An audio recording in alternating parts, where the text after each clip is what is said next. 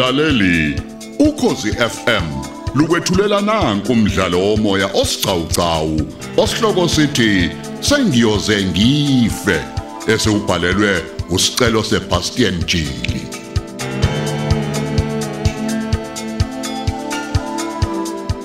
Lesi isiqephu sokuqala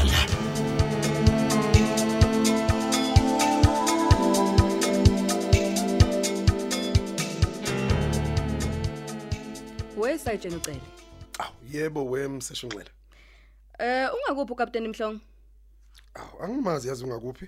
Kodwa ngimbonile thatha imoto yakhe encane ephuma. Kungenzeka ukuthi ayile kude kakhulu. Mm. Hawu wesayitshena ucele. Ngithi angikusho nje lokho. Yazi khona kungididayo ngawe. Aw yikuphi ke lokho eh mseshonxele?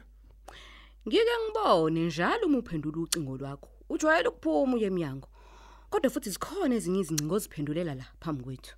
Aw uyazi nje thina sisebenzisa amafoni abizayo. Aw. Aw konje likuphi icala lami ke futhi wemseshonxele uma ngiphuma mina ena ngiphendula ucingo lami eminyango.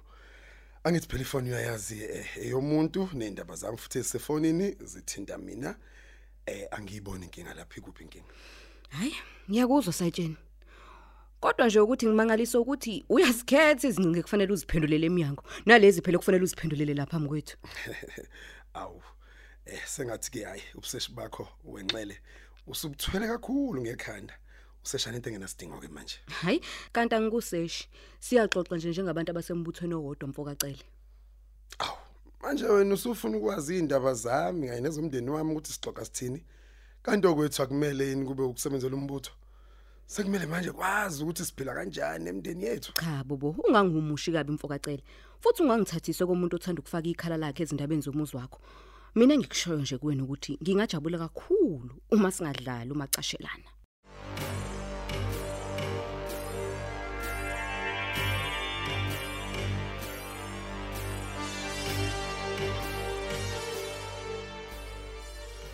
Hey, Jomba nawe impi yakhe. Lakhisto. Hey Malakhana.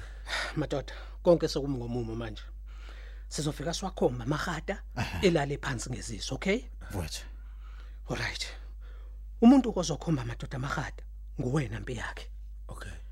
Mina noJomba sizothatha izikhi sivule lapho kuhlala khona izibhamu madoda. Lakhisto.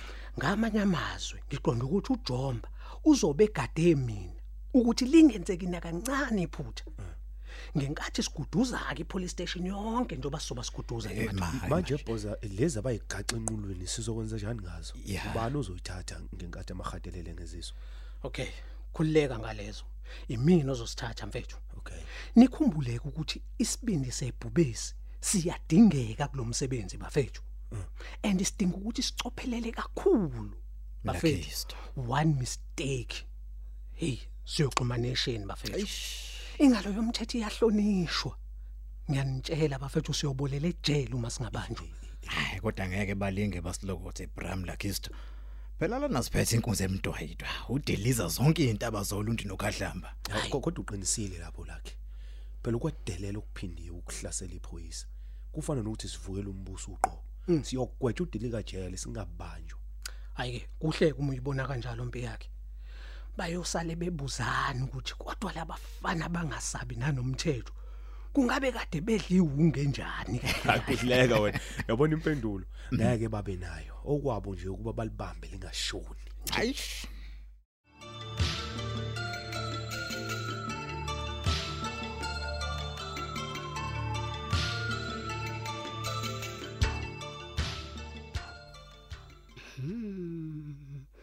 Yazi selokusile. Sengibona izimoto ezintathu zonke ezenziwe ngalokho kuthi ukudima zidlula la phambi kwestation. Yazi angiqondi ukuthi kwenzakalani la. Kodwa kuzomela ngiqaphe eqolo kuhlokoni lapho.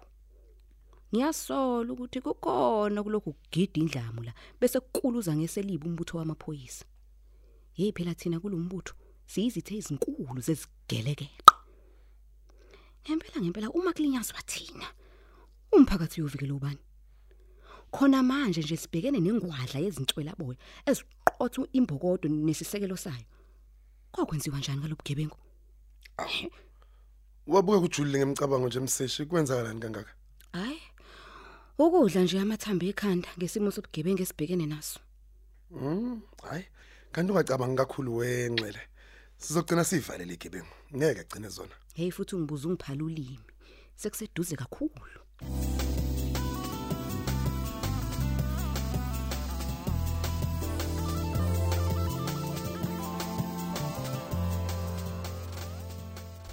Awe, awe. Ah, ijomba ndoda yamadolo. Eh, kubuhlungu brama kwenzakile. Kodwa phela manje ngeke sikwazi mfethu ukukhambisa sibedlela. Eh uqinisile lakhe mfethu. Lamakhata azovela emfahla uJomba agqume neshini. Eh, bafethu cishwa cishwa ngibulala umhlongo. Eh, kodwa ngcono mfethu ngoba udubuleke esiswini. Ukuba udubuleke esifubeni mfethu, eh, bekuzokubhedela kakhulu. Laleli inceba lakho ngathi lopha kakhulu mfethu kwenze njani? Hayi, kwahle impi yakhe. Alibe kakhulu, ngizoba ngcono. Uqhubeke umshikashika bafethu. Hawu kapteni Mhlongo ubhayizile mfethu. Ukuba ucabangile, ngabe uvele wadubula izimoto. Hey umadoda, ngempela besizobaleka ngani? Hayi kuyasho ukuthi ngidubula ivaka lapha. Eish, Hey yabona futhi ukuba udubula imoto bekuzona ukumsihisa mfethu. usho kanjani? Asingeke sihlule umuntu oyedwa sibaningi. Bekuzosiphoqa ukuthi simyise koyisemkhulu. Ayolusa amadada khona. Hey, asithembeni madoda ukuthi uBradeliza uzoqhamuka nesu lokuthi ulapheka kanjani ijomba. Eh mfethu. Kodwa ngcono bafethu ngoba asibuyanga sivathazela kuhle kwamanina. Ey, ey sengathi yena uyifakile inhlamvu lo kapteni. Awu kahle Jomba. Kwenze njani manje? Iye. Igazi laphuma ngomlomo mfethu. Hayi bo Jomba. Asithembe ukuthi kuzolonga impi yakhe. Hayibo.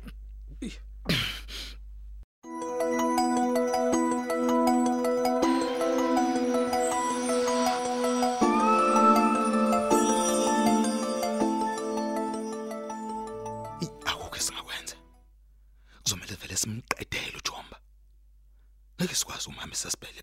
Ey, senze njani? Hayibo. Hey, yena uyinkabe ethembekile man. Okay. Asivele simhambisa sibhele sikude. Samdinga kakhulu kule project ukubamba imoto yemali.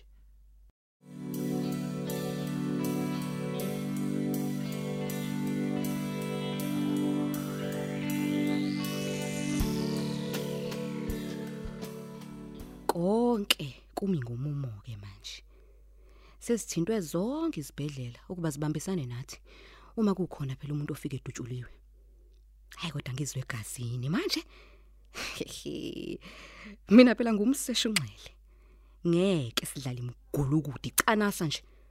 Unoxhaka ukukhamsileke manje ulinde ukubamba. Hey hayi kodwa basinyakazisile labafana. Benza into engakazi nje ngiyicabange. Basiphendula iziboshwa basifakoza nkosi. He ayi kodwa kulungile ayikho impunga yehlathi. Yabona ke manje kuzomela ngiqale ngithi ukusebenza.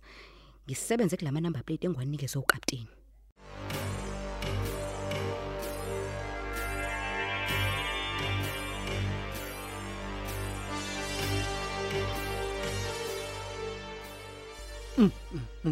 Hey hey hey impiyake.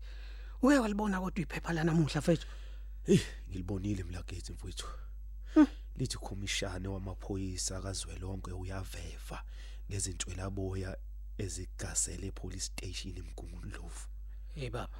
Yabona ukuthi sesengozini kodwa uma kusukuma nabantu abaphezulu kanje. Hayi kanti hayi amanzi amancane lawo. Usho kanje? Ogcina ngakho ukuvevezela amadefu nje. Ayovevezela azayeke. Phela lo msebenzi wenzeke ngempumelelo enkulu kabi. Ya, khona lapho uqinisile mfethu. Yazi uhle na kakhulu ke nje kunama number plate ebesiwasebenzisa angama fake. Enemoto ebesigijima ngazo ezokwebiwa. Ey, umsebenzi omkhulu ke mfethu uma sesiyoshaya imoto yemali. Uko panel beaters bethu mfethu ekufanele beguqule yonke futhi lento. Ey, uqinisile-ke lapho. Mina kade ngingacabangi nokuthi uDilize uzoqhamuka nomqondo ojule kangaka ukuthi uBrajomba amashiswe kwesinye isibhedlela esiseNewcastle. Udukisa umkhondo. Hayi, ya, hayi konke lokho mfethu hayi. Kusibeka emathubeni amahle impela okuphepha. Kodwa nathi kufanele silixuze ugebhesi emlakithi. Ya. Singakubeki esandleni zikaDiliza konke. Ukhumbule ukuthi ithumbo kuyenzeka lishisa umusi walo. Hey, lineseqilelo bra wami.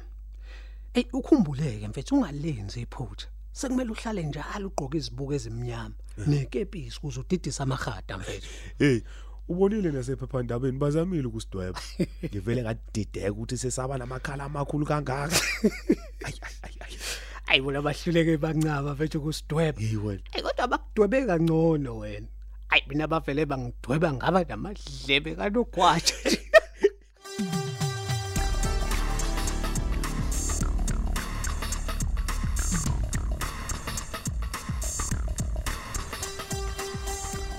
Kapteni wami, Yebo msashunqela.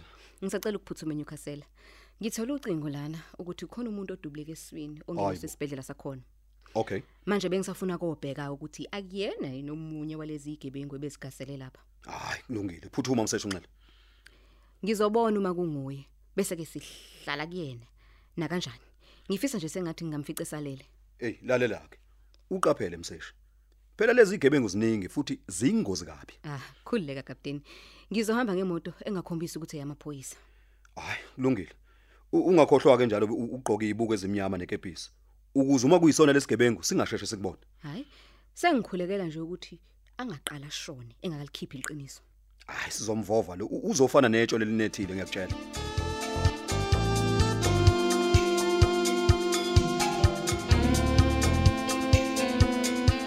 Asubambe lapho ke umdlalo wethu womoya osihloko sithi sengiyoze ngife olethelwa ukozi FM